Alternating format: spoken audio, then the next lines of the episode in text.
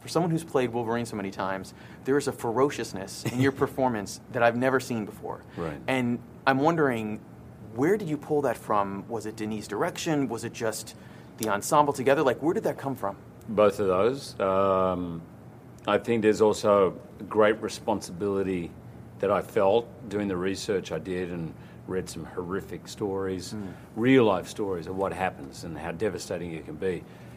And it really dawned on me the responsibility of playing this story for the truth of the matter and really going to the complex and difficult places. But I, I remember one scene, there's a scene in the bathroom. Mm-hmm. me I was going to ask you about that, yeah. with the hammer. The take before, I thought we got it. I must admit. And by the way, we'd gone. Well, I'd run a marathon to get to there, and I was like exhausted. And I was sure Denis was coming over to me to say, "Man, that was that was the one. We got it. Thank you." babe." and he came over and he goes, "I really need you to go there, man." I was like, "That wasn't there," and he goes, "Oh no, that's not there." So the next take is the one that's in the movie, and you know, I would have stopped if he'd given me the option. I would have said, "I think we got it." So you know, a great director who knows drama, who knows when the right moment and right scene is to go for more. Could you have made this movie without Denis? Would you have made it? Um, it's a great question because I had been offered it and I hadn't. It was circling for a while, and I didn't sign on until Denis came on board.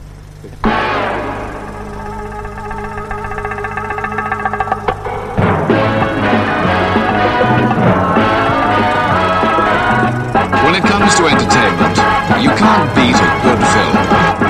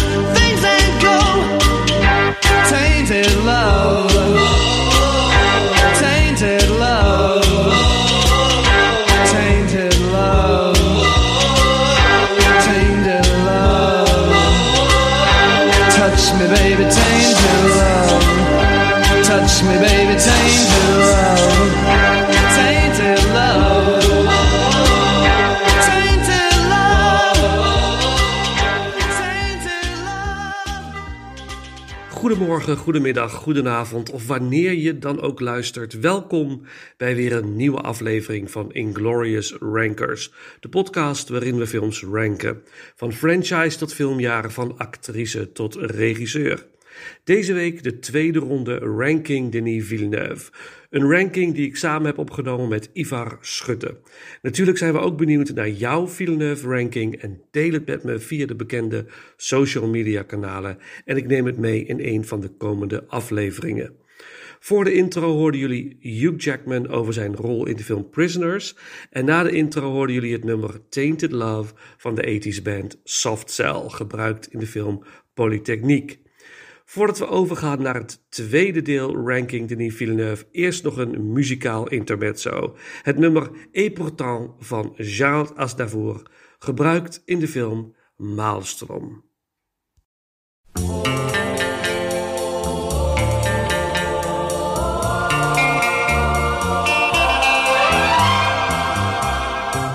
Un bon matin, je sais que je m'éveillerai différemment de tous les autres jours.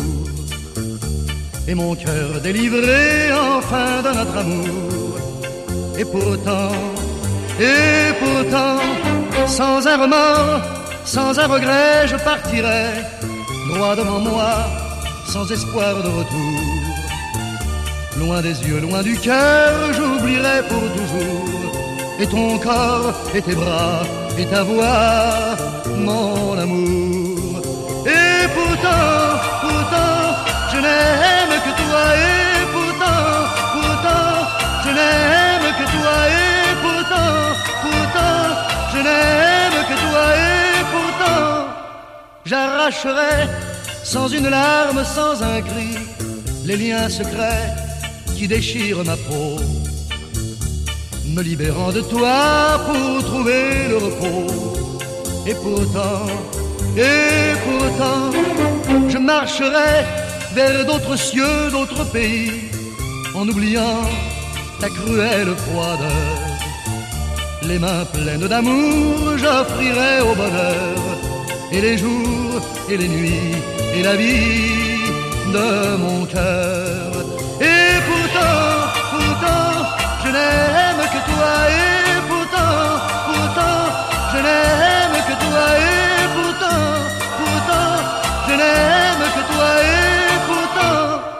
il faudra bien que je retrouve ma raison, mon insouciance et mes élans de joie, que je parte à jamais pour échapper à toi, et pourtant, et pourtant, dans d'autres bras, quand j'oublierai jusqu'à ton nom, quand je pourrai repenser l'avenir, tu deviendras pour moi qu'un lointain souvenir, quand mon mal et ma peur et mes pleurs vont finir. Et pourtant, pourtant, je n'aime que toi, et pourtant, pourtant, je n'aime que toi, pourtant, pourtant, je n'aime que toi, pourtant, pourtant, je n'aime que toi, et pourtant, pourtant, je n'aime que toi. Et... Ja, weet je, we hadden het hier voor de podcast over. Ja, ben je al uit je ranking? En ik moet eerlijk zeggen, het verschoof nog tot het laatste moment. Ja, Maar het, zijn, het zijn subtiele dingetjes. Het- en dan keek ik weer een film nog een keer van, dacht oh, maar deze grijpt me weer zo. En op dan steeg weer een plaatje, en andere daalt weer een plaatje. Eh, maar eigenlijk, ehm, de eerste helft van de ranking, de eerste vijf, was voor mij wel duidelijk. En daarna komen er vijf, waarvan ik echt dacht, ja, die zijn eigenlijk allemaal inwisselbaar. Op zeven bij mij staat Prisoners. Joei! Ja, ja. ja. Maar dat is, dat is ook wel mooi van dat wij dit samen doen. Want dan eh, kunnen we elkaar een beetje pijn doen af en toe. Ja. Het kan niet hetzelfde zijn, want daar, daar hou ik helemaal niet van. Eh Prisoners uit 2013, ja. God. Ja, ik- ja, nou ja. dat is wel heel mooi. En waarom? Waarom? Waarom? Ik- Ja. ik- prachtige film. Prachtige film. Eh, maar ook een grauwe film. Ehm, troosteloze beelden, weinig kleur, veel regen. Het gaat over eh, eh, twee gezinnen met allebei een jonge dochter van een jaartje of zes, twee meisjes. eh, Joy en Anna, als ik het goed heb. Ja, Joy en Anna. En ehm, nou, die, die twee gezinnen gaan bij elkaar voor een of ander, ik weet niet meer of het Thanksgiving is of zoiets, die gaan bij elkaar wat eten en drinken. En die meisjes zeggen, oh, een van die meisjes zegt, ik ben mijn, mijn rode fluitje thuis vergeten, mag ik die even ophalen? Dus in de straat, 600 meter verderop bij wijze van spreken. En eh, ja, dat is goed, ga maar samen. En die wijzen komen niet meer terug. Die zijn weg, die zijn verdwenen. En dan ontspint zich het verhaal van, ja, waar zijn die kinderen gebleven? Ehm, Hugh Jackman speelt erin. En ook weer eh, eh, eh, Jay Gyllenhaal trouwens, als, als inspector Loki. Ja. Wat wel interessant is, is dat die rol eigenlijk naar Ryan Gosling zou gaan. De rol van Loki. Maar omdat Villeneuve al gewerkt had met Gyllenhaal in Enemy, wilde hij dat graag nog een keer doen. Nou, Gosling heeft uiteindelijk zijn rol ook gekregen bij Villeneuve in Blade Runner. Dus dat is allemaal goed gekomen. Waar ik perfect gecast voor vind. Ehm, en wat, wat interessant is aan deze film is, ehm, er zijn twee richtingen. Eén is, hoe reageer je als ouder op het verlies van een kind? En eigenlijk alle vier de ouders pakken dat anders aan. Ehm, Hugh Jackman, Keller Dover, is de vader van Anna, is echt heeft wraakgevoelens. Die wil de, de, want ze, ze komen erachter dat die kinderen ontvoerd zijn, hè? Dat, dat is wel duidelijk. En ze hopen zijn leven terug te vinden. En dat is ook de spanning die door de hele film door meandert. Eh, en Hugh Jackman wil wraak. Hij vertrouwt niet het systeem, hij vertrouwt niet op de politie. Hij wil dit, hij lost het zelf wel op. Eh, Hij heeft ook een verleden daarmee. Ik weet nog niet of hij in het leger had gezeten, iets daarmee.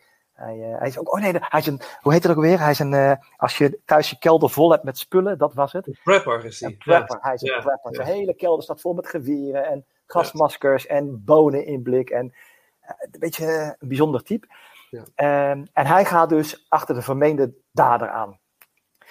Zijn vrouw, Grace Dover, gespeeld door Maria Bello, vervalt in complete lethargie. Die kan niks meer. Die is helemaal, ligt alleen maar op bed te huilen.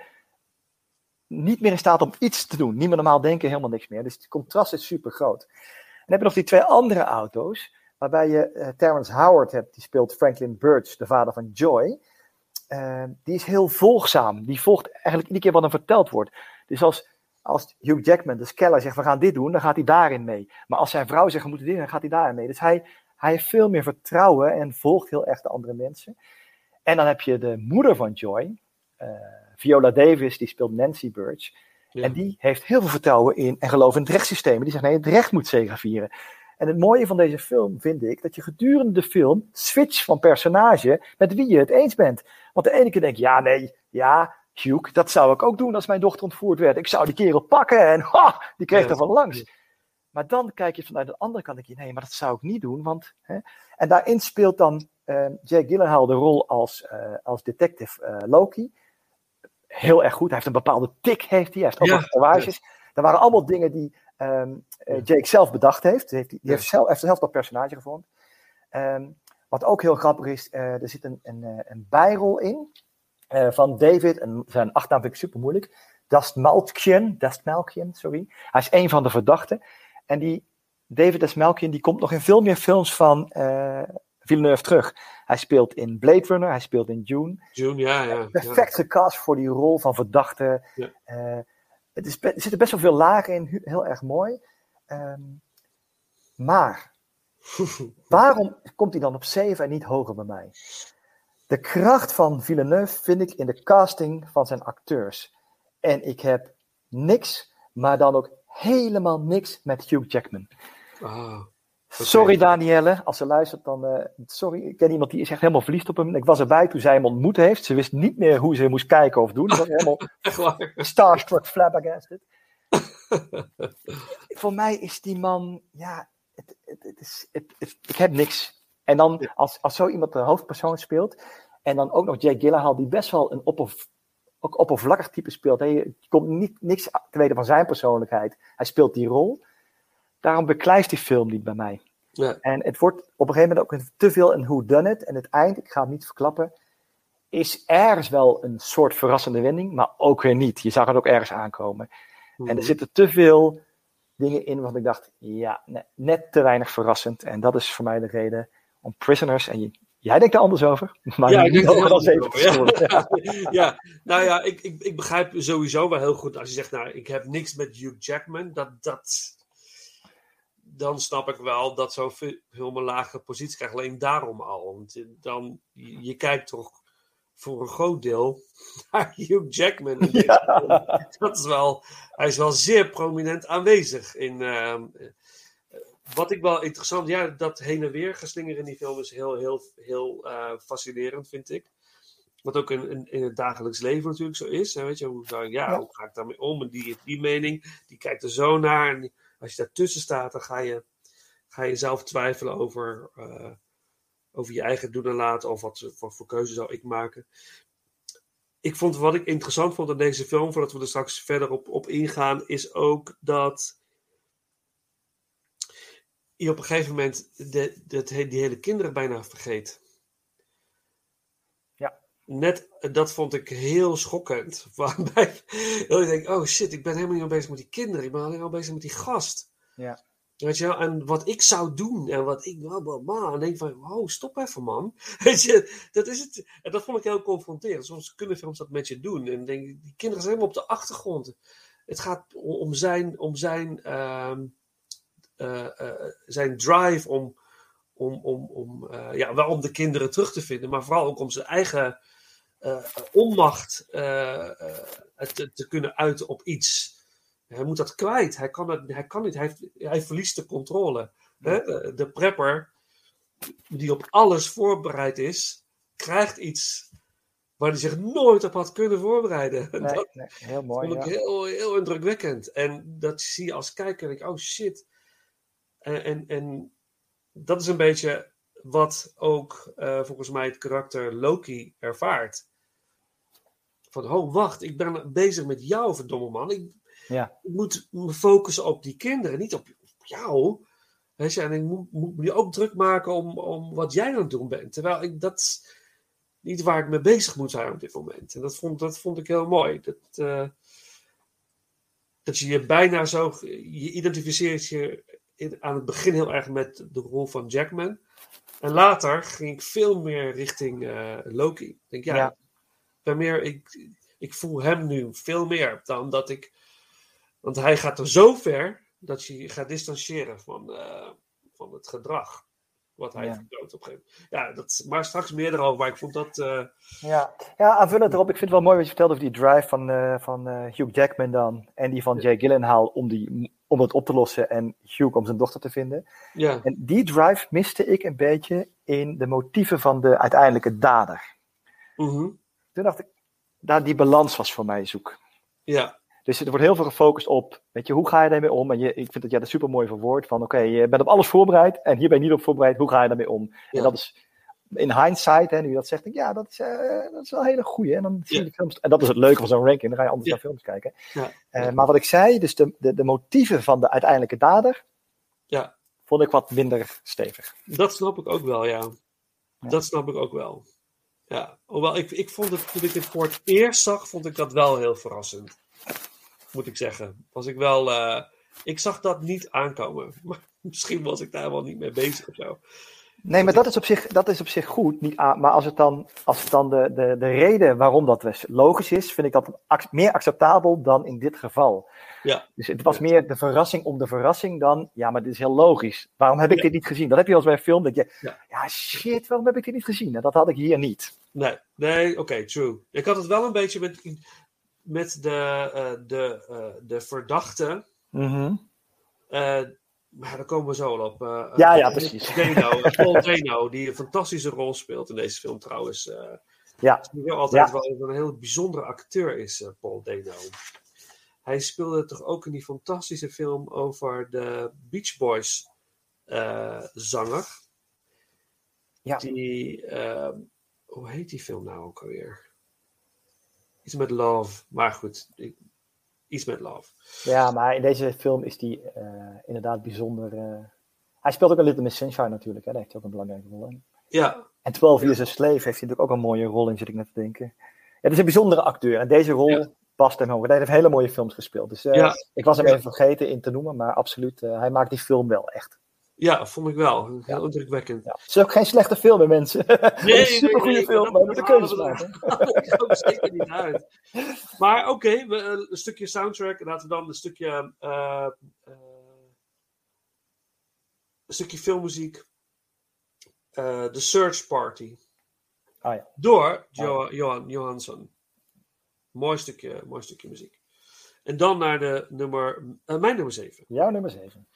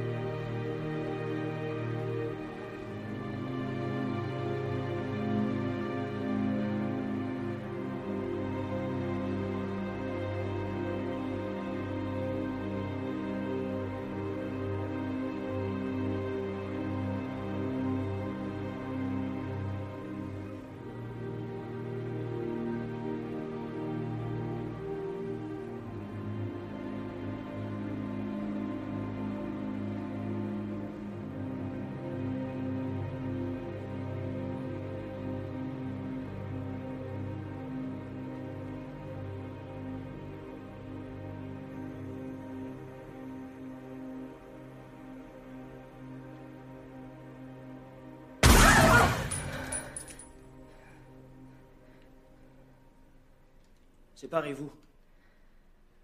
Les filles à gauche, les gars à droite. Séparez-vous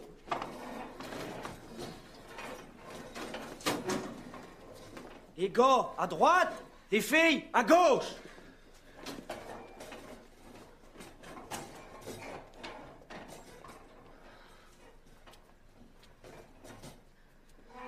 Ok, les gars, vous sortez. Les filles, restez là. Allez, sortez, sortez. On réglera ça dehors. Allez, allez.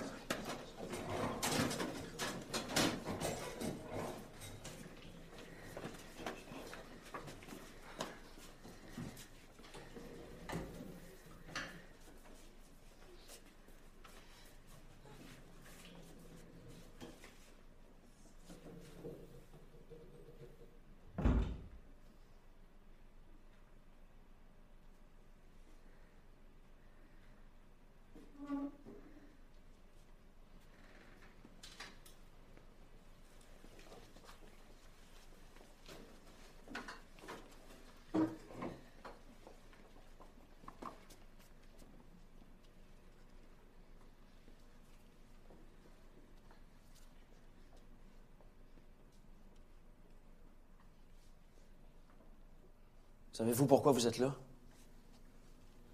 Non.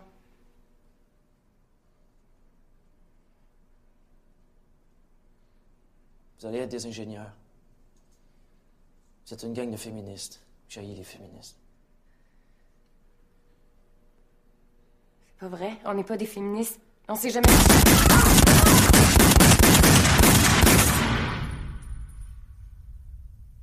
Ja, dit is een, mijn nummer 7 is een film die ik eh, voor het eerst zag. Net als August 32nd en Maelstrom. Dat is Polytechniek. Ja. Is het toevallig jouw nummer 6? Nee. oh, oké, oké. Nee. nou, mijn nummer 7, Polytechniek. Ehm Zwart-wit film. Eh, uit 2009. 2009 ook. Ja. Ja. dat is de film, zeg maar, eh, na zijn sabbatical. Hè? Hij is gewoon terug met... Zijn eh, belofte. Dit was zijn, terug, zijn, zijn eh, herreizenis. Als ja, zijn reizenis. ja, precies. Nou, Polytechniek, ik wist niet wat ik ervan moest verwachten. Ik wist niks van deze film vooraf. Nee, Had je de trailer gezien van tevoren? Nee, niks. Ik Die is super wazig. Mensen, als je deze gaat kijken, de trailer zegt. Is, ik denk, ja, het lijkt wel een soort VHS of Betamax opname uit, uit 1984 in zwart-wit.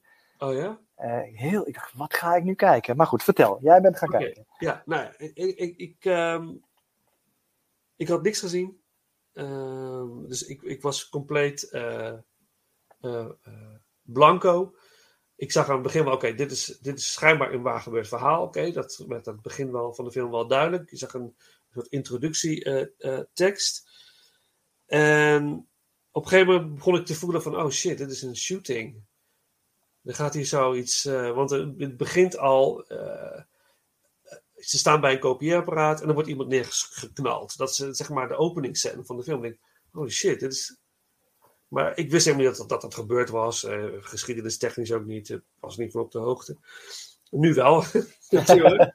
Eh, maar het, het gaat dus eigenlijk, het is, het is een dramatisering, een waar gebeurd verhaal, reconstructie eh, van eh, de Montreal shooting, eind jaren 80, Ja. voor de kerst, Christmas break, 6 december. Eh, er was een, een van de scholieren die heeft op, op die dag heel veel vrouwen, studentes, medestudentes, vermoord in koele bloeden. Ja, volgens mij iets van 15 of 17 en ook heel veel verwond nog. Echt, eh, Ja, echt. Heel heftig. Ja, en alleen vrouwen. Alleen vrouwen. Deze man die eh, bleek dus al zeven jaar lang eh, aan, dat, aan dit plan te werken. Dat broeide al zeven jaar lang in zijn hoofd. Ehm, en zijn motivatie heeft te maken dat, dat de feministen eigenlijk voor veel problemen zorgden in zijn leven. Het blokkeerde zijn ontwikkeling, zijn groei. Of het was een compleet mental disorder figuur. Maar Het is helemaal, maar ontzettend zeker van zijn zaak. Dat zie je gelijk in de film al. Hij, hij, eh, hij is ook zo'n jongen die. Hij woont in een soort van studentenhuis. Ja. En hij, eh, de ochtend dat hij wakker wordt. Van dit is de dag dat ik het ga doen. Hij laat alles ook keurig netjes achter. Hij heeft de afwas van tevoren. Ja, de afwas, alles is. Ja. Hij maakt een brief. Hij... Dit, is gewoon, dit is gewoon het moment dat het gaat gebeuren. En ook in zijn hoofd, als het gedaan is, pleeg ik zelfmoord. Want dat is natuurlijk een suicide note die hij achterlaat. En dan gaat hij, dan gaat hij naar school. Hij brengt die brief nog weg. En dan gaat hij naar, naar de polytechniek, dus de, de technische school, maar zo vrij uit Ja, want daar, daar zit het ook in. Hij, hij vindt dus dat daar geen vrouwen mogen zitten, want die nemen Ja. de banen van mannen in. Over Ja. feminisme Ja, gesproken. de feministen. Dat Ja. zegt hij ook op een gegeven moment tegen ze, van jullie horen je niet. En dan, eh, Ja, ja. Nou ja, goed. En dan gaat hij naar de school en dan, dan gebeurt het. Dan gaat hij, eh, gaat hij los. Dat is wat de film laat zien. En je volgt eigenlijk een aantal per personen. Aantal, een, een mannelijke student. Ja. En eh, twee vrouwelijke studenten die je soort van ja. En je ziet ook dat. Ja, je ziet de totale paniek op, op wat, er, wat er natuurlijk gebeurt als iemand gaat, eh, zo tekeer gaat. Ehm, hij gaat gewoon door de school heen en hij schiet erop los eigenlijk. Dat is wat er gebeurt. En eh, iedereen rent weg en vlucht natuurlijk. Maar er is één jongen die je volgt en die, die voelt toch wel van ik moet iets doen. Weet je, ik moet iets. eh, ik, ik kan dit niet zomaar laten gebeuren. Dus die, die wil, wil helpen, die wil ondersteunen, die wil in ieder geval de slachtoffers helpen en iets doen daar. Of hem stoppen. Dat gaat alles door die jongen zijn hoofd volgens mij. Hele zachtaardige, grote Ja. Die uiteindelijk het ook eh, ja, vrij, traumatisch is geweest voor die jongen. Die ook een einde aan zijn leven eh, eh, maakt. Heel, heel heftige film vond ik dit. ja. Ik vond het heel zwaar. maar wel ja, verschrikkelijk goed gedaan. Het was, het was echt alsof je er was. Alsof je, alsof je onderdeel was van, van, de, van de gebeurtenis. Ik vond het. Ik, ik was erg, erg, erg onder de indruk van deze film. Eh, ik vond het ook heel lastig om, om hem een positie te geven. Het zou zomaar nummer één kunnen zijn, zeg maar. Ja, ja, maar dat is bij zijn films. hè. Bij mij dat- staat hij, hij staat ietsjes hoger. Eh, ik had hetzelfde. Ik had alleen die, die trailer gezien. Ik denk, nou, ik ga wel kijken. Ja. Maar eh, vanaf moment één grijpt je bij de keel Ja. en laat je niet los. En wat Ja. ik heel knap vind aan deze film is dat. Er zit een, dit, is een, dit is een kantelpunt voor Villeneuve als regisseur. Hij is, is negen jaar eruit geweest. Hij komt nu terug en hij zegt: Ik ga nu films maken zoals ik denk dat je films moet maken. En een van de kenmerken van Villeneuve is dat hij. ehm, hij- hij is een feminist. Hij heeft een heel sterk geloof in de kracht van vrouwen. En hij vindt ook echt dat er, en daar komen we straks in de andere films op terug, vrouwen veel te weinig aandacht krijgen in films. En als ze al aandacht krijgen, is het niet op de manier zoals hij denkt dat het zou moeten, omdat het niet de werkelijkheid vertegenwoordigt. Ehm, de, de, de, de, degene die hier de aanslag pleegt, de, de shooter, wordt ook gewoon, dat is Maxime Godet trouwens, die ook een, eh, een grote rol heeft in Incendies, of Incendies, Ja. hoe je het wil noemen, daar komen we straks nog wel Ja, ja. eh super goed gecast. Echt een nare vent. Als ik met Jake, eh, enfin Jack, eh, Hugh Jackman al niks had, nou met deze gast heb je helemaal niks in deze film. Maar het mooie is, hij krijgt ook geen aandacht eigenlijk. Hè? Want in het begin weet je niet zo goed wat zijn rol is. Hij kijkt uit het raam naar een meisje aan de overkant. En eigenlijk denk je dat hij naar haar gluurt omdat ze zich aan het omkleden is. Maar Ja, ja. het is pure haat waarom hij naar haar kijkt. En dan kon je pas achter als de film verder gaat. Ja, Ehm, dat klopt inderdaad. maar hij krijgt, hij krijgt nul aandacht. Maar wat, eh, dus één is, alle andere films die ik ga ranken van Villeneuve hierna, zul je zien wat de impact is van de vrouwen in zijn films, de rollen van vrouwen. En dat waardeer ik echt enorm aan, aan, aan Villeneuve als, eh, als regisseur. Ehm, ik zei al, ga ik zo even verder op, want dat is super Ja, interessant. ja, als Eh, ja, ja, ja. En, en wat je ook ziet, hij, eh, Villeneuve is, hij heeft een aantal films die hem heel erg beïnvloed hebben. En we hadden het net al over ehm, ehm, Close Encounters of the Third Kind, hè, met van Spielberg. Kubrick heeft een flinke indruk op hem gemaakt. Maar een andere regisseur die veel indruk op hem gemaakt heeft, is, hoe heet onze Japanner, Akira Kurosawa. Ik zeg het goed. Die in 1954 de Seven Samurai heeft gemaakt. Ja. Eh, de film die je gezien moet hebben volgens de kenners. Nou, ik heb het geprobeerd. Het is niet meer van deze tijd. Weet je, vroeger was het natuurlijk helemaal tof, maar, eh, maar wat, wat, wat, wat eh, Akira Kurosawa zo goed doet in de film, is hij bouwt spanning op. Hij neemt je mee, hij neemt je mee, hij neemt je mee, tot het moment waarvan je weet dat het gaat gebeuren, gebeurt. En in deze film heb je dat ook. Alleen Af en toe slaat Villeneuve even een stukje over. En bijna tot opluchting van jezelf denk je, oh gelukkig, dat laat hij niet zien. En Ja. dan als je het niet verwacht, pakt hij je bij je lurven, sleurt je terug naar dat moment en bats, je zit er vol in. En dat is Ja. zo in, ongelooflijk heftig. Je Ja. gaat, de- deze, ik heb wel meer films over shootings gezien, maar deze maakt zo'n impact over het effect daarvan op mensen daaromheen. Je kan hem bijna niet met droge ogen kijken, maar eigenlijk is het verplichte kost om deze film te zien. Een prachtige film. Eens. Ja. ja, eens. Ja, we gaan het er zo verder over hebben. Ja, nou niet zo, ver, niet zo ver van nu, maar we Niet gaan zo ver, oké, nou wat wel wat alweer, waar weer geinig is, of geinig aan deze film, is dat het heeft een, eh, het heeft niet echt een soundtrack, maar er speelt heel veel op de achtergrond aan, eh, aan eh, muziekjes, of heel veel 80s. En er zit een, een, mooie, eh, eh, een mooi nummer in van eh, Sushi and the Benjis, Love in a Void. En ehm, laten we die even draaien.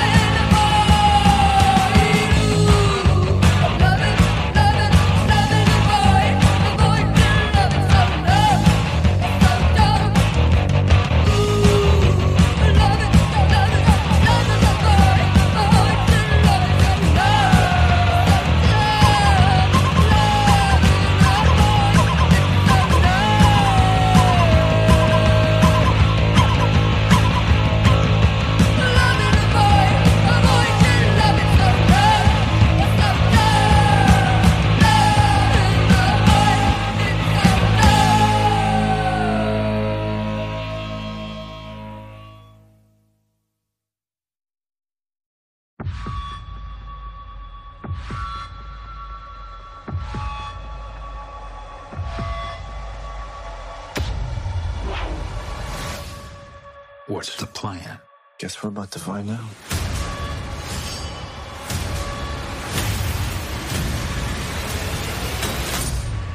Bring him to me. Blade Runner 2049, rated R. Experience it in En IMAX. volgens mij zijn we dan nu bij jouw nummer 6. Ja. Ja, nu wordt hij heel spannend, Vincent. Nou ga ik, Ja, ik, ik ga je pijn de, de Ik ga je cruciale pijn doen. top 5. Ik ben Ik zo benieuwd, want er gebeurt zoveel interessants nu. ik ben echt benieuwd. Op 6. Een film uit, als ik het goed heb, 2017. Eh, Blade Runner 2049. Oh my god. I told you so. oh, maar dit is wel leuk. Ja, maar dat maakt het leuk. Omdat we, als we allebei hetzelfde hebben, is er helemaal niks aan. Oh, ga dat maar eens verdedigen. Maar jij? Nee, even, even, even heel duidelijk. Blade Runner 2049 is een meesterwerk. Het is, het is prachtig gefilmd. Eh, op een gegeven moment is er een scène dat ze naar eh, eh, Las Vegas gaan. Hè, om Harrison Ford op te zoeken. Ja. Alleen al hoe dat gebouwd is met die enorme beelden van vrouwen. Het, is, het, is, het zit zo mooi in elkaar. Ongekend. Eh, de- de- deze, ja, het is echt een prachtige film. Ja, en toch op zes, maar goed, dat maakt echt niet uit. Wat ik mooi vind aan deze film is, ehm, waar heel veel science fiction films vooruitkijken naar de toekomst, kijkt deze terug naar wat we aangericht hebben in het verleden en wat daar het effect van is. En dat is echt heel mooi in deze film. Ehm, voor het eerst, als ik het goed heb, muziek van Hans Zimmer, de eerste samenwerking die ze samen hebben gedaan. Wat ik al zei, want eerst zou die met Johan Johansen doen, maar die kregen een discussie over eh, de uitvoer daarvan. En eh, heeft Hans Zimmer het gemaakt. Eh, Hans Zimmer, die trouwens later nog een belangrijke rol gaat krijgen in de films van Villeneuve. Dune bijvoorbeeld, heeft hij heeft ook gedaan. Ja. Ik denk dat de meeste mensen het verhaal kennen. Hè? Het speelt zich af na de eerste Blade Runner. Ryan Gosling speelt K, een van de replicants. eh, een verbeterde versie. Het deed me ergens denken aan, eh, aan Terminator. Hè? De verbeterde versie komt terug om de oude op te ruimen. Ehm, opsporen en uitwissen. Ehm, dus Ryan Gosling erin. Er zit een hele mooie rol in van eh, Jared Leto. Die Neander Wallace speelt. Hij is dan de, ehm, degene die ook... Die, die, alle data is ook verdwenen in, in, in, in de geschiedenis. Ze hebben nog een beetje bij elkaar en hij heeft allemaal die data. En zij maken ook die replicants. Je ziet ook de geboorte van de replicant daar. En wat wel grappig is, die Neander Wallace zou eigenlijk gespeeld worden door David Bowie. Ja, mijn held. Ja, maar David Bowie redde niet. Die stierf helaas kort voor de opnames. Ja. Eh, maar Jared Leto heeft, hij speelt daar een, een blinde eh, persoon en heeft de, alle scènes ook eh, zonder zicht gespeeld. Dus hij was ook echt blind. Hij, hij heeft niks gezien van de hele scènes. En dat vind ik dan ook wel weer mooi gedaan. Gaaf. Ehm een van de twee films die hij heeft gebruikt ter voorbereiding op June, hè, naast Arrival eh, eh, deze ook. Ehm, en toch, eh, Ryan Gosling was supergoed gecast als oppervlakkige replicant. Eh, Anne de Armas als Joy vond ik echt te gek. Ja, dat, Die maakte voor mij de film wel. Is echt, zij heeft ook de James Bond gered, hè, No Time to Die van onlangs. Maar we gaan die niet James Bond ranken. Ehm, en hier ook weer zie je eh, de rol van de vrouw terugkomen. En de, de krachtige rol van de vrouw, zeg maar. Dus dat zit dan in, eh, in Anna, die een soort eh, hologram is. Hè? Want eh, hij, kan geen, hij heeft geen echte vrouw, maar die, de hologram houdt hem bezig. Eh, maar ook Sylvia Hoeks natuurlijk als Love heeft hier een hele Ja. belangrijke rol in. Echt super, super interessant. Ja. Ehm, op een gegeven moment, het, de vraag gaat over, ehm, hij komt erachter als hij een replicant vermoordt, die hij op moet ruimen. eh, doet hij een scan van het gebied en hij ontdekt een kist onder een boom. En ze ontdekken daar een foetus, eh, begraven foetus. En komen erachter dat die replicants hebben voor een, eh, een nakomeling gezorgd, wat eigenlijk helemaal niet zou moeten kunnen. En daar gaat hij naar op zoek. Gedurende de film krijgt Kay het idee dat hij dan de nakomeling is. Hij gaat op zoek naar Rick Deckard, hè, onze oude Blade Runner, Harrison Ford. En die vindt hij in Vegas. Nou, en daar ontspint zich het verhaal. Ehm, en daar gaat voor mij, en daarom gaat hij niet hoger dan zes, daar gaat hij voor mij mis. Als ik Harrison Ford in deze film zie, eh, zie ik Han Solo.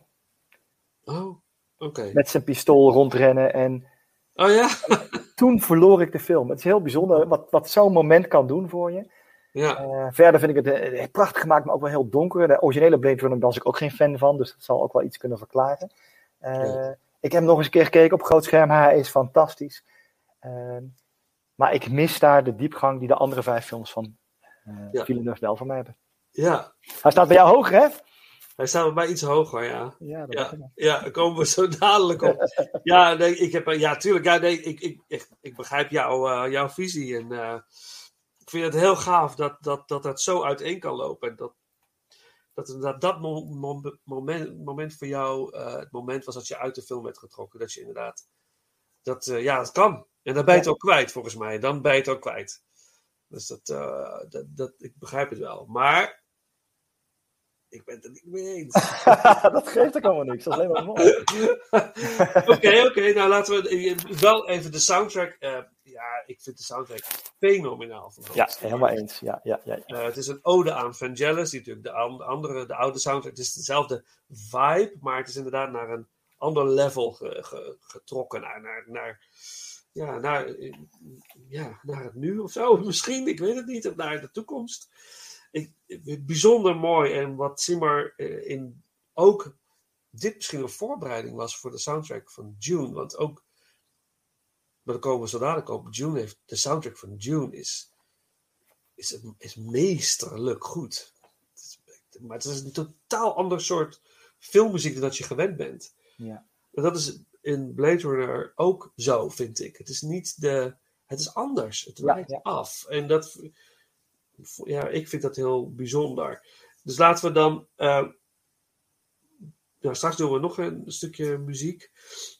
Er zit ook een Suspicious Minds in van Elvis Presley. Dat komt ook voorbij. Ja, en, en natuurlijk. Een hologram van hem ook, toch? ja, ja, ja. ja. Wat we nu Ook met ABBA gaan doen, is nu eh, wat ze met ABBA gaan doen. Ja. In die film was het Elvis. En eh nummers van Frank Sinatra komen voorbij. Maar eh, laten we dan een ode doen aan eh, de over, onze overleden held Rutger Hauer. Ja. Er zit het nummer Tears in the Rain, wat, hij, wat in de eerste film zit, keert terug in Blade Runner 2049 op het moment dat hij in de sneeuw ligt. Ah ja. Dan is het niet in the rain, maar dan is het eigenlijk de snow. Maar in dat thema zit daarin. Dus dat, dat vind ik wel mooi om die voorbij te laten komen. Tears in the Rain, muziek door Hans Zimmer. En dan, eh, ja, mijn nummer 6. Oh ja, dat is een leuke.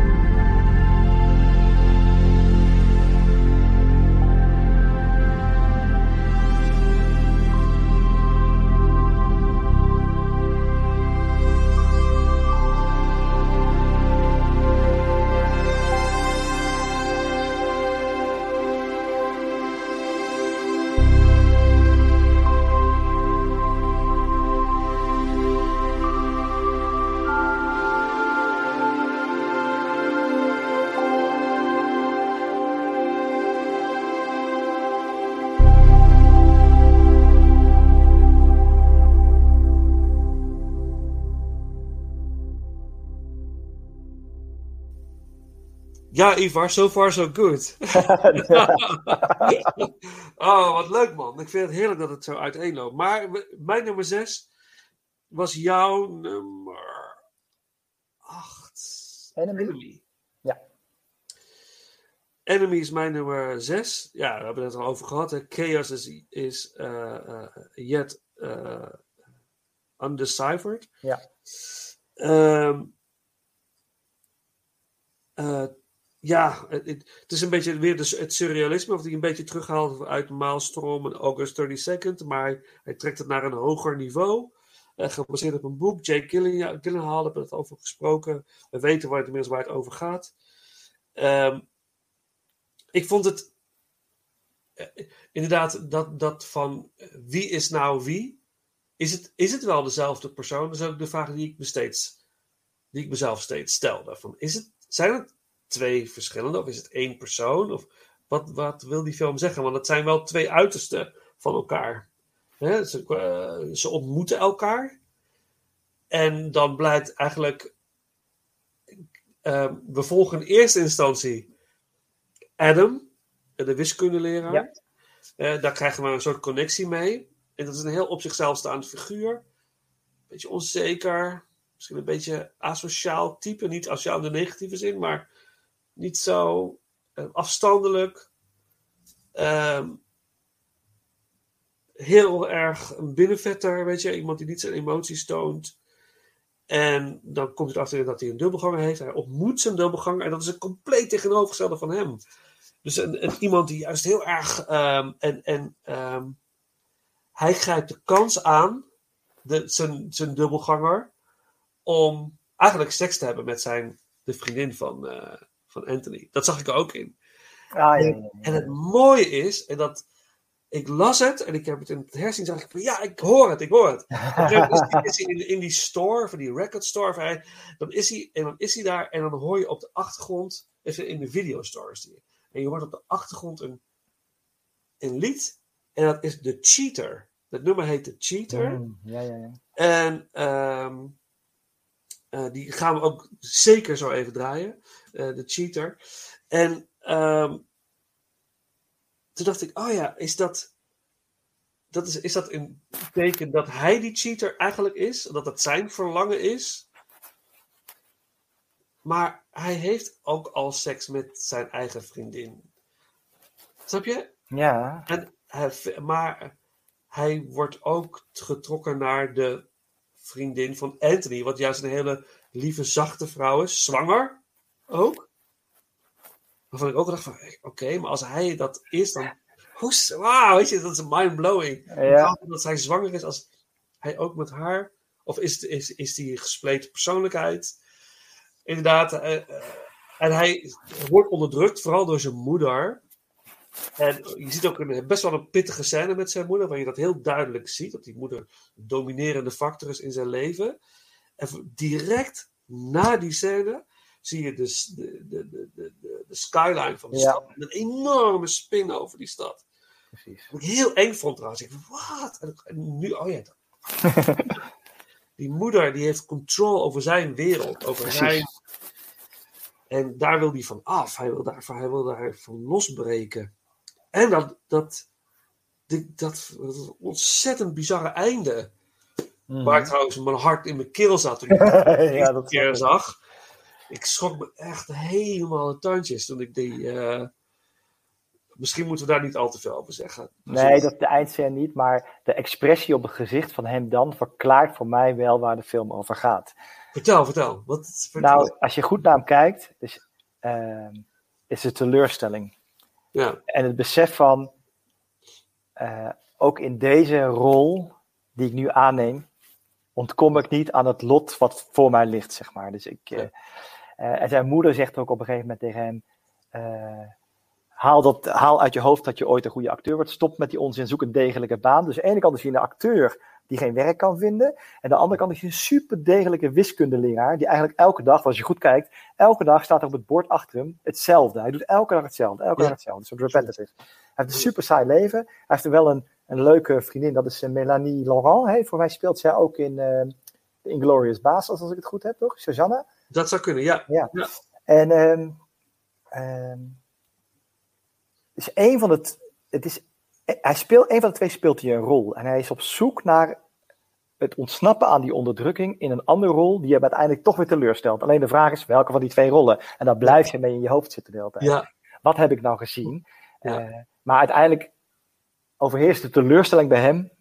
Ja, ik kom niet onder deze onderdrukking vandaan. Nee. En we hadden het net over die, die vrouwen in die nachtclub.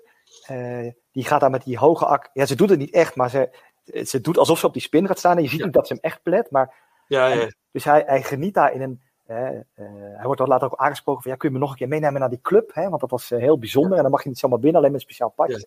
Dus dat voor hem ontsnappen aan de werkelijkheid. Het onderdrukken wordt daar echt ook werkelijk geplet. Weg ermee, die spinnen. Ja. Later zie je nog een keer een vrouw ondersteboven langslopen in de gang met een spinnenhoofd. Daar komt dat ook weer terug. Dus het spinnen is echt een leidmotief, iedere keer terugkomt.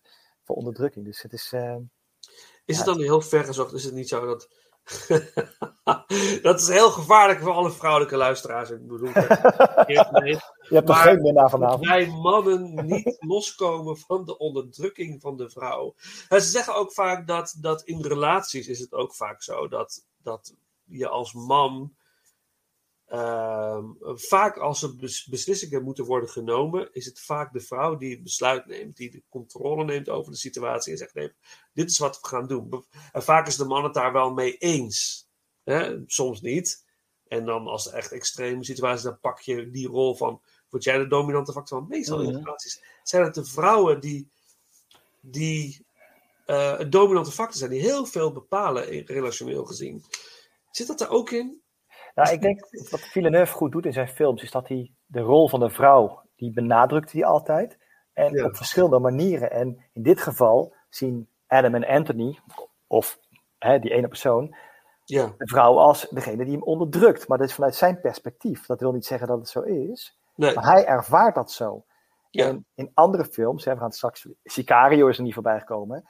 En Emily Blunt daarin, die speelt weer als vrouw een hele andere rol. Amy Adams neemt ook weer een andere rol aan. Dus ik denk dat hij vanuit allerlei perspectieven de rol van de vrouw benadrukt. En in deze film ervaart Anthony of Adam dat dan als onderdrukking. Wat niet per se zo is, alleen hoe ga je daarmee om? Ja. En hij probeert eraan te ontsnappen. En de teleurstelling is dat dat niet lukt. Maar Ja. volgens mij is de boodschap dat je dat niet proberen. Maar eh, dat is ook de, een krachtige boodschap uit Arrival. Daar gaan we straks even over. Is, Ja. Het gaat allemaal om communicatie uiteindelijk. Ja, En tuurlijk. niet allemaal ontsnappen, want dat is wat hij probeert te doen. Dus, Ja, absoluut. eh, ja. dus ik denk dat je geen enkele vrouw nu eh, schoffeert door dit te zeggen. Dat, ze staan voor onderdrukking. Maar vanuit het oogpunt van Adam, of Anthony in dit geval, dus wel klaarblijkelijk. Ja, nee, maar ik, dat is ook niet iets wat ik gelukkig persoonlijk niet zo ervaar. Maar eh, godzijdank. Maar ja, ik, ik denk dat vrouwen in relatie wel vaak een dominante vak zijn. Dat, dat moet ook vaak wel. Of zo, ik weet niet, dat is, ja, het is een lastig ding.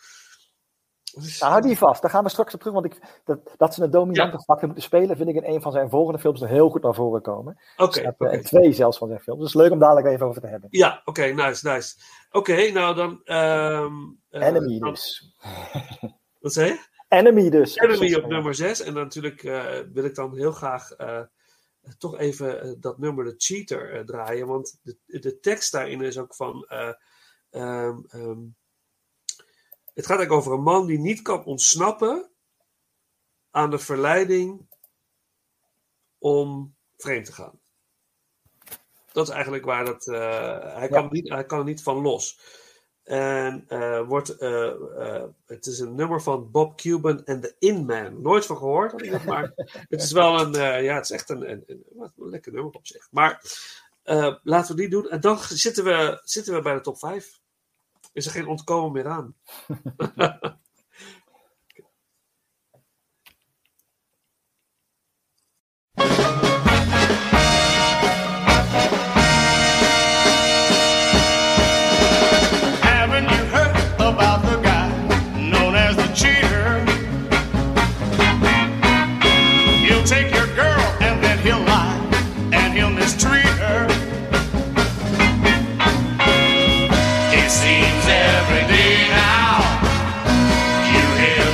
people say now, look out for the cheater. Make way for the clown. Look out for the cheater. He's gonna build you up just to let you down. All of girls had better stay inside your door now. He'll hurt you once, then turn around and hurt you some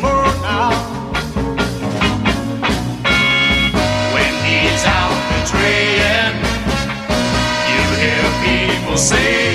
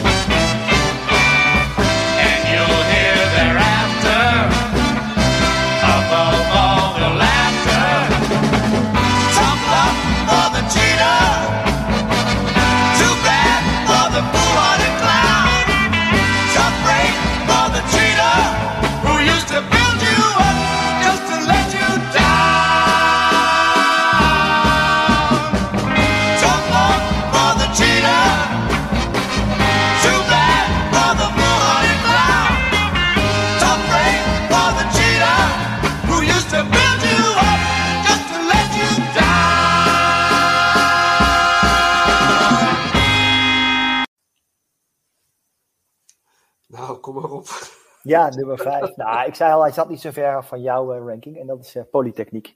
De film Ja. die een eh, onuitwisbare indruk op mij gemaakt heeft. We hebben er eigenlijk al het een en ander over verteld. Wat ik, wat ik heel mooi vind aan deze film is dat hij zo ehm, krachtig laat zien wat er eigenlijk gebeurt bij het neerschieten, doodschieten van die jonge vrouwen. Hij laat ze in de kracht van hun leven zien. en de schok die dan die ze krijgen als dit gebeurt. Eh, je ziet ook de complete verbijstering, verbazing. Ze hebben niet eens door dat het gebeurt, zeg maar. Eh, de complete... eh, ja, ze, ze, ze, ze- zijn echt, echt helemaal even kwijt. Het is, Ja. het, is zo, het is zo aangrijpend. Omdat je ook in kleine stukjes, in fragmenten... Je ziet fragmenten van de shooting en dan weer flashbacks. En dan zie je die meiden met elkaar bezig zijn. Kleding uitwisselen of schoenen uitwisselen. Een van die meiden heeft een sollicitatie, kan ik me herinneren. Ja. Je krijgt echt even een inkijkje in het leven van die, van die dames. En dan, dat, dat contrast met dat schieten is zo hard. En op een gegeven moment heb je door, wacht, hij pakt alleen vrouwen aan. En dat, dat maakt het nog heftiger, want hij loopt dan op een gegeven moment door die school. En ik weet nog steeds niet waarom het zo lang duurt voordat er eindelijk eh, politie op afkomt. Hè? Dus iedereen is in blinde paniek. Ja. Hij kan rustig zijn gang gaan en, hij, en je ziet een vrouw en denk je, oh nee, en op een gegeven moment denk ik, ik hoop niet dat hij haar ziet.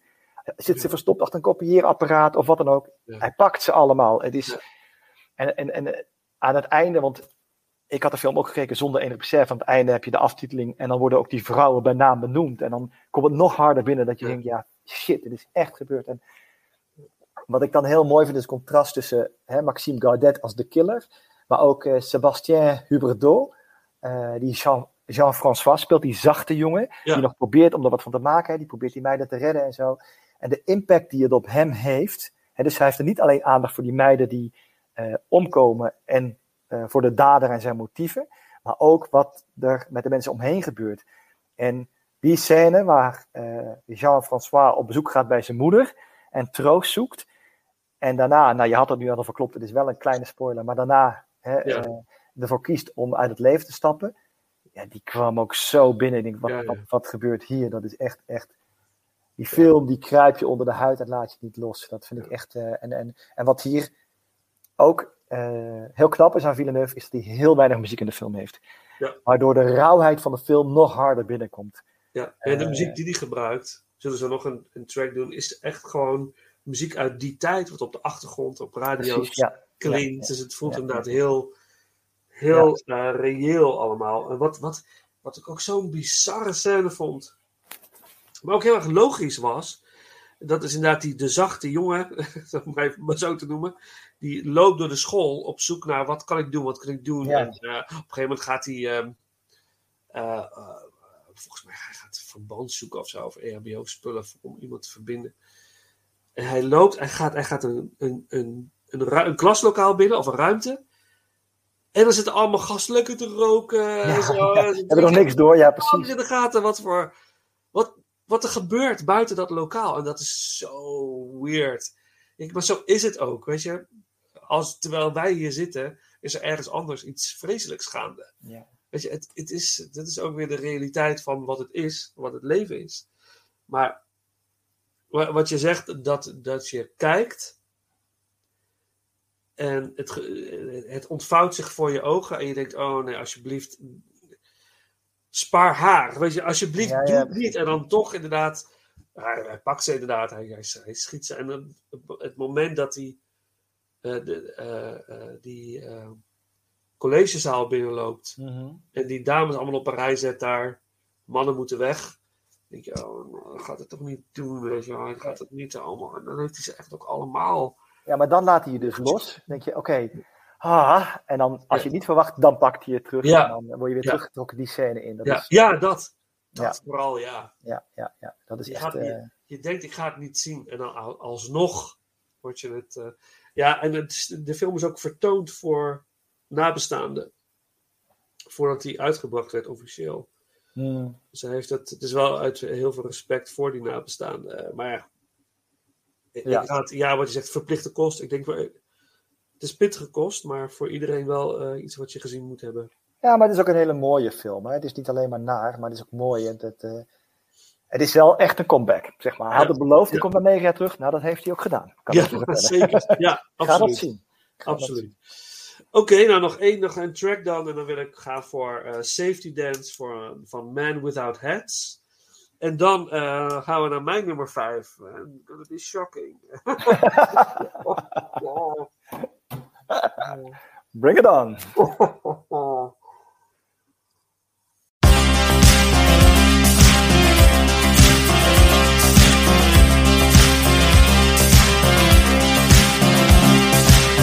We can dance if we want to. We can leave your friends behind. Cause your friends don't dance, and if they don't dance, well, they're no friends of mine. See, we can go where we want to, places they will never find. And we can act like we come from out of this world, leave the real one far behind. We can dance.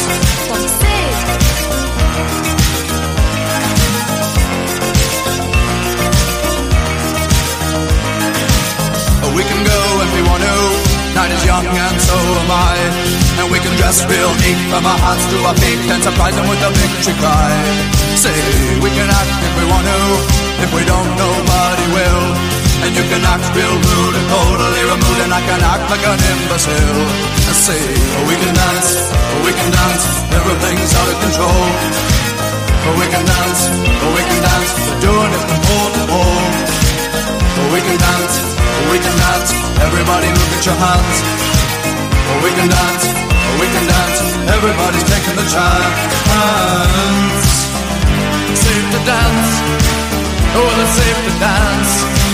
Yes, it's safe to dance.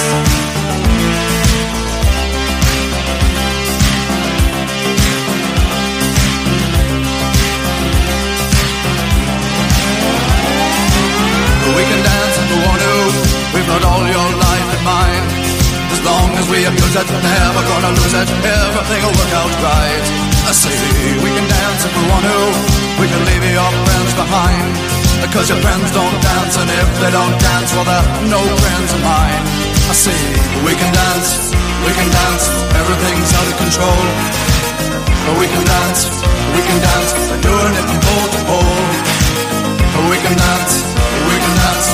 Everybody look at your hands. Oh, we can dance, oh, we can dance. Everybody's taking a chance.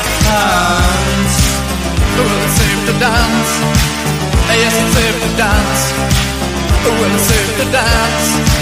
Well, it's safe to dance. Yes, it's safe to dance. It's safe to dance. Well,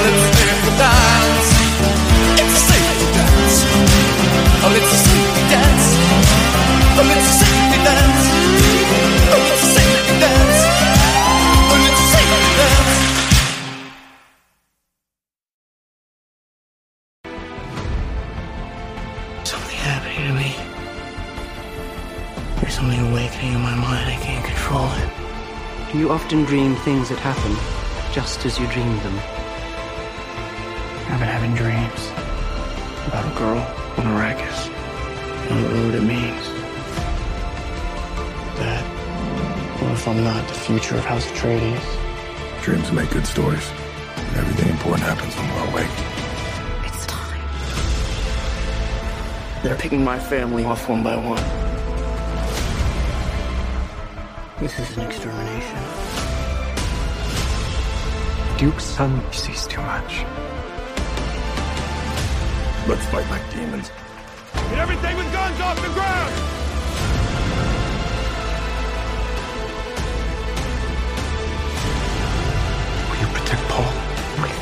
My life.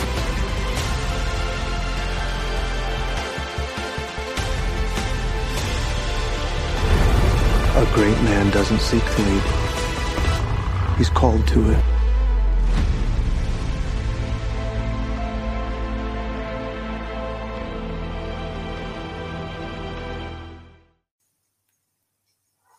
Ik durf bijna niet. ja, maar ja, goed, jij hebt ook al een flinke shock in gegooid, dus ik doe het gewoon ook. Eh, Oké, ja, op nummer 5 staat bij June. Eh, eh, ja, June. Het meest recente van hem natuurlijk, nu in de bioscoop. Iedereen gaat hem zien nu het nog kan in de bioscoop. Deze film moet je op het grote scherm zien. Gun jezelf dat, want het is echt, echt de moeite waard. Mijn vrouw bijvoorbeeld dacht, Lisa dacht van, nou, ik weet niet, June, is het wel iets... eh, ik zeg, het is gewoon Game of Thrones in space. Zo noemde ik het maar even waar. maar dat, je, gewoon probeer het. Nou, ze was helemaal blown away. Ze vond het echt fantastisch. En ik hoor dat van meerdere mensen die denken van, wat moet ik daar nou van denken? Het is een, het is een slow, langzame film. Maar het, het, het, op een of andere manier pakt het je. Nou, ik ben een groot liefhebber van June. Ik heb de boeken. Ik ken het boek goed. Eh, ik ben een groot liefhebber van de 1984 David Lynch versie. Ja, echt? We hebben er eentje. Ja, ja, daar ben ik echt liefhebber van. Vind ik heerlijk. Met de muziek van Toto. En Sting zit erin. Heerlijk, ethisch. Fantastisch. David Lynch zelf vond het verschrikkelijk. Maar ik vind het een hele fijne film. Dus ik weet, ik weet wat, wat het verhaal is. Ik weet waar het naartoe gaat. Ik, ik, ik ken het. Eh, het is een meesterwerk in zekere zin. Eh, visueel. eh, ja, overdonderend. Ik, ik, ik wist soms echt niet wat ik zag. Ik denk van, wat? de, de scale van things. Het is zo, zo groot. Het is, het is een politieke, sci-fi, spirituele film. Ja, er zit heel veel in. Niet actie georiënteerd. Gelukkig niet. Nee, moet ook zeker niet. Er komt nog wel het een en ander aan, maar het gaat daar niet om. Eh, gebaseerd op het eh, overbekende boek van Frank Herbert natuurlijk. Eh, het gaat over een conflict tussen verschillende geslachten in het universum, families. En de strijd is om de planeet Arrakis. Dune. En daar. eh, eh, eh, eh, eh, en waarom? Op die planeet bevindt zich een, een substantie, stof, spice. En dat is de meest kostbare stof in, in het universum. Eh, dat is iets wat iedereen wil hebben. En ehm, we volgen eigenlijk voornamelijk in deze fi- film eh, het geslacht At- Atreides. En voornamelijk de zoon van de hertog, Duke Atreides, Paul. En eh, die familie Atreides die moet onder keizerlijk bevel naar Arrakis om daar zeg maar spice te gaan delven. Ze krijgen de controle over spice mining. Dat is een beetje wat, wat ze, ze nemen dat aan onder keizerlijk bevel. In al hun trots en glorie nemen ze dat aan. Maar het is één groot plan om die Atreides familie eh, eigenlijk van de kaart te vegen. Eh, dat is, en daarbinnen is Paul is een, is, een, is een heel speciaal figuur. Hij heeft visioenen. Hij voorziet iets, hij voelt iets aan. En dat heeft te maken met June. Als hij nog op zijn eigen planeet is, heeft hij dromen over een, meisje op die planeet. Die op die planeet woont. De oorspronkelijke bewoners zijn de, de Fremen. En daar heeft hij visioenen over. Hij voelt iets. Hij heeft een connectie daarmee. En je gaat je dus afvragen als kijken, wat is die connectie dan? En als hij op die planeet komt, eh, wordt hij ook toegeroepen, hij wordt gezien als een messias, als soort van. Dus er is iets in hem eh, wat zich verder moet ontvouwen als hij daar is. Nou ja, goed. Dat is een beetje waar, waar de film in grote lijnen over gaat. Heel basic heb ik het nu verteld. Dus is te veel, er zit veel meer in. Ga jij straks vast veel meer over vertellen. Want er staat bij jou denk ik iets hoger. Ah, geen spoilers, hè? Nee, geen spoilers. Hij staat iets hoger, ja. Maar, dat kan niet anders, want Ja. we tellen af. Waarom, waarom staat deze op nummer 5? ik, ik vind het echt, echt prachtig. En normaal, ik heb hem ook nu drie keer gezien.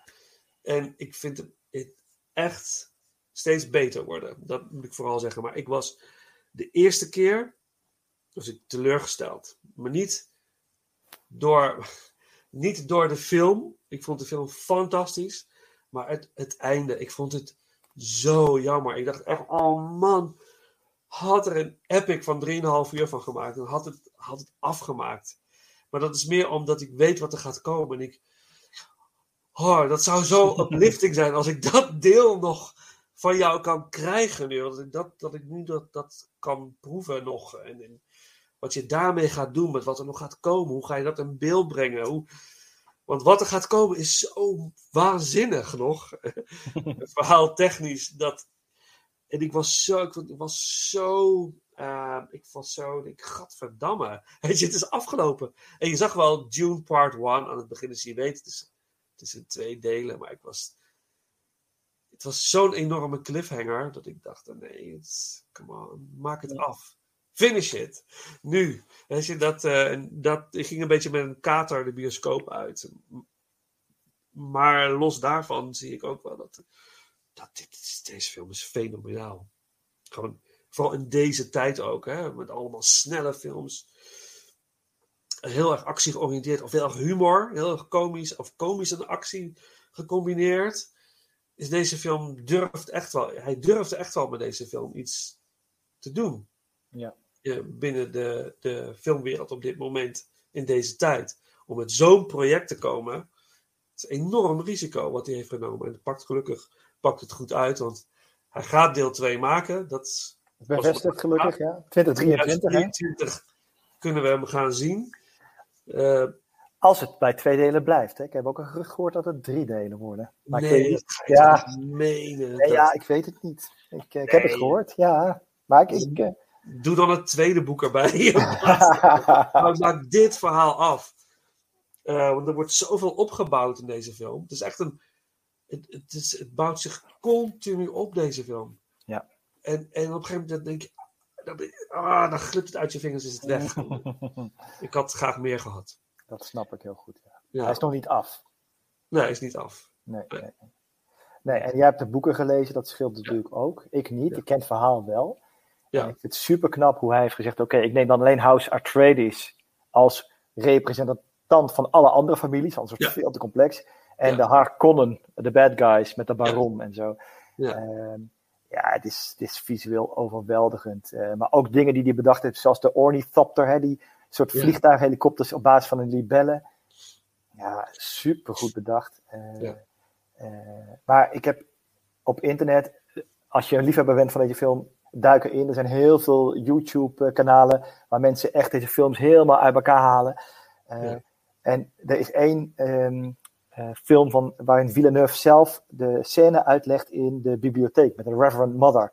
Waarin Timothy Chalamet zijn hand in de doos moet steken. Ja, de zegt- Jabbar. De, Ja. de, de naald bij zijn. Ja, ja, ja, oké. En dan zegt hij, what's in the box? Mooie verwijzing naar Seven natuurlijk. Eh, maar als hij vertelt over die film in 20 minuten over het niveau van detail in die scène. En je gaat dan kijken, dan, dan zie je hoe fantastisch deze film is. En elke keer als je kijkt, zie je weer meer en leer je meer. En, en heel mooi, weet je wat, super, wat ik super mooi van deze film, ik zal straks meer over vertellen, maar, en dat is ook weer Villeneuve, is dat ehm, je hebt dan eh, een personage die moet zorgen voor de overdracht van de Harkonnen, die de planeet verlaten, naar House Atreides. Ja. Eh, en dat was eigenlijk de rol van een man. En daar zegt ehm Villeneuve, nee, ik wil dat dat een vrouw wordt. En dat is Dr. Liet Kynes. Ja. En, of Kynes, Kynes, ik weet niet helemaal hoe je het uit moet spreken. Ehm, wat heel grappig is, is dat, nou wat opvallend is, is dat zij wordt door House Atreides met haar achternaam genoemd, maar door de Fremen met haar voornaam. Ze heeft een hele belangrijke rol hierin. En als je dat soort dingen we- weet, en je kijkt naar de film, en jij weet natuurlijk nog veel meer dan ik, want je hebt het boek gelezen, Ja. En dan, dan zie je langzaam de diepte ontstaan in de karakters. Hè. Ik heb pas geleden was er een recensie over deze film in een andere podcast. En dat ging vooral over hoe die eruit zag en dat er geen diepte in deze film zit. Maar ik denk, ja, dan heb je ergens er niet goed opgelet. Want Nee. er zitten zoveel lagen in, ook als je de boeken niet gelezen hebt. Ehm, en wat ik mooi vind, en- en dat is de kracht van Villeneuve. En straks in de andere films komt er nog veel meer terug over de rol die vrouwen spelen. Als hij dit doet, hij zegt: Ik wil van die mannenrol, dat wordt een vrouw. Sterker nog, het wordt een zwarte vrouw. Ja. Dat is zo authentiek bij hem dat het klopt aan alle kanten. Het is nergens gemaakt. En als ik dan een vergelijking mag trekken naar eh, Bond, de laatste Bond met No Time to Die, Ja. waarin ze besluiten dat 007 een zwarte vrouw is, Ja. dat is dan zo gekunsteld, vind ik, om dat erin te proppen, want we willen woke zijn. Dat, is, dat vond ik echt, ja, ik vond het een hele slechte Bond, maar dat is niet om niet te beoordelen. Maar van hem is het intrinsiek. En het klopt. En dan Ja. geeft hij die vrouw zo'n krachtige rol. Ja. eh, waarin, en we hadden het net over, iedere film speelt de vrouw een andere rol. En hier is ze dan zo'n peacekeeper. Hè? Wel Ja. onpartijdig en verbindt alles. Maar speelt daarin een aantal dubbele rollen. Want op een gegeven moment wordt zij, voor mij mogen we dan zeggen, wordt zij soort van verwond door eh, eh, een paar bad guys. Ja. En dan zegt hij ook, je hebt de keizer bedrogen. Want zij weten dat zij een dubbelrol speelt, zegt hij. En Ja. helemaal niet onpartijdig. Nou goed, anyway. Ja. Ehm, heel veel gelaagdheid in deze film. Ja. Eh, maar nog niet af, daar ben ik helemaal met je eens. En dat is jammer. ik vind het ook wel mooi wat je zegt, dat, dat mensen zeggen, ja, het is eh, alleen maar visuele pracht, maar er zit geen diepgang in. Ja, ik begrijp dat als je de film voor de eerste keer ziet, dat dat overweldigt dusdanig. En dat in combinatie met de ongelooflijk heftige soundtrack van Hans Zimmer, die, die- het is zo bizarre filmmuziek, maar zo prachtig. Hij heeft echt iets, hij creëert iets nieuws. En dat is wat deze, dat deze, ja, deze film ook nodig heeft. En, en, en Rebecca Ferguson, als het over de kracht van vrouwen hebben. Mhm. Ja, want dat is mooi, want dat zegt hij zegt, de Reverend Mother zegt het op een gegeven moment tegen, tegen Paul Atreides. Hij zegt, ja, jij bent niet eh, de zoon van je vader. Maar je bent de zoon van je moeder. En uiteindelijk ontvouwt zich het verhaal, wat zijn achtergrond is, zeg maar. En om daar nu in de diepte in te gaan, gaat misschien wat ver, maar die lijn die ontstaan is waardoor hij er nu is, is uit een lijn van krachtige vrouwen gekomen, waarin Ja. de mannen een bijrol spelen. Dat is echt Ja. wel een mooie, mooie inzicht. Ja, maar dat is ook, dat is ook weer dan. Terugkomen op de dominante rol van de vrouw inderdaad. Maar de vrouw is het leven, hè? Dat is eigenlijk het universum, hè? Het, het, het, het creëert leven zonder dat de vrouw dat bewust doet. Ja. Als een vrouw echt naar, naar volgens mij. Ik heb het daar volgens mij, bij de Kieslowski-ranking heb ik het daar ook over met, eh, met Ruud Vos. Over het intuïtieve van een vrouw. En vooral ook, dit zul je ook ervaren hebben als, als een vrouw net bevallen is, hoe intuïtief een vrouw kan zijn richting kind en richting alles wat er om haar heen gebeurt, vind ik, ja, vind ik, altijd, vind, ik vind dat heel fascinerend. Heel bijzonder. Ik zie het nu bij mijn schoonzusje, die is net bevallen van, een, van haar eerste kindje. En dan zie er zit heel veel onzekerheid en heel veel. Het is de eerste keer, dus het dan. Maar als ze echt in die intuïtie duikt, dan weet ze precies wat ze moet doen. Ja, ja. En dan kunnen alle adviezen kun je uit de wind slaan. Het is gewoon exact precies dat. Snap je? En dat vind ik. Ja, dat vind ik waanzinnig. Dat doen wij mannen niet. Wij proberen dat wel met mindfulness. En dan komen we komen echt een heel eind. We kunnen ook heel intuïtief zijn, maar een vrouw is dat ook als ze eh, gaat bevallen of als er iets gebeurt, dan komen ze in een zone. Ja, dat, dat is ongekend. En dat, dat is. Ja, dat vind ik mooi. Maar goed, ja, we dwalen af. Maar eh, de, de, de prachtige rol van Timothy. Hoe, hoe spreken ze nou? Chalamet, als ik het. Chalamet. Chalamet. Want hij speelt natuurlijk ook hele. Ja, die is, die is, het was ook de eerste keuze van Villeneuve. Hij heeft gezegd: er was geen twijfel over mogelijk. Deze jongen gaat dit spelen vanaf het Ja, begin. hij speelt Paul natuurlijk. Hè? Ja, de, hij de, speelt main, Paul. eh, de main man. Ja. Ja, en die scène waar ik het net over had, zeg maar, in die bibliotheek met de Mother Reverend en de Bucks. Ja, daar, daar. En dat is de eerste scène die ze opgenomen hebben trouwens. Hè? Dat was de eerste scène van de film. En eh Villeneuve zag wat ehm, Timothy deed en zei: Het is goed. Toen wist hij het. Toen viel alle spanning van hem af. Ik heb hier een goede keuze gemaakt.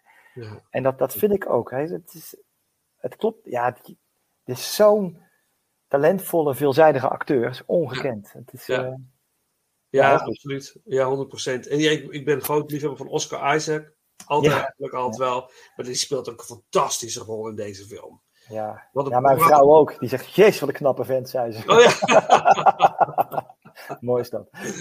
Ja, fantastisch. Ja, heel mooi. Maar we gaan er zo verder op. Natuurlijk, eh, eh, een stukje soundtrack kan niet missen natuurlijk eh, van ehm, eh, eh, Hans Zimmer. Hans Zimmer. En we hadden het over de kracht van de vrouw natuurlijk. En degene, de scène met de Kom Jabbar. En dat vloeit voort vanuit de Bene, Bene Gesserit Ja. ehm, eh, lijn. En er is een track die heet Bene Gesserit. Dus laten we die dan voorbij laten komen. En dan naar nummer 4.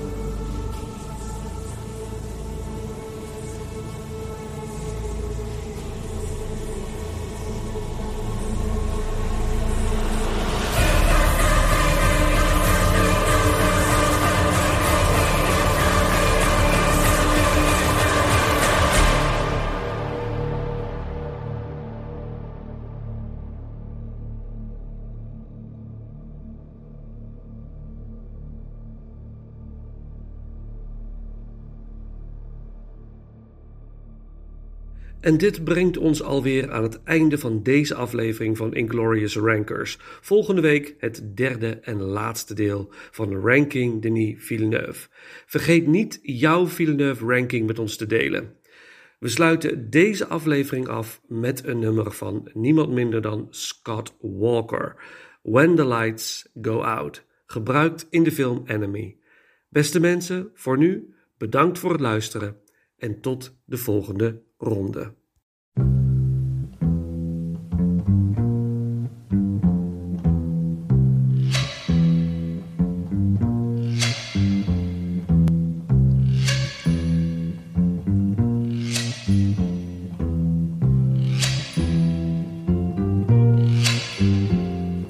Sun goes down, my silent little room is growing dim. And the man next door is saying what a lousy day it's been. And the clock on the wall, I'd like to put its ticking to an end.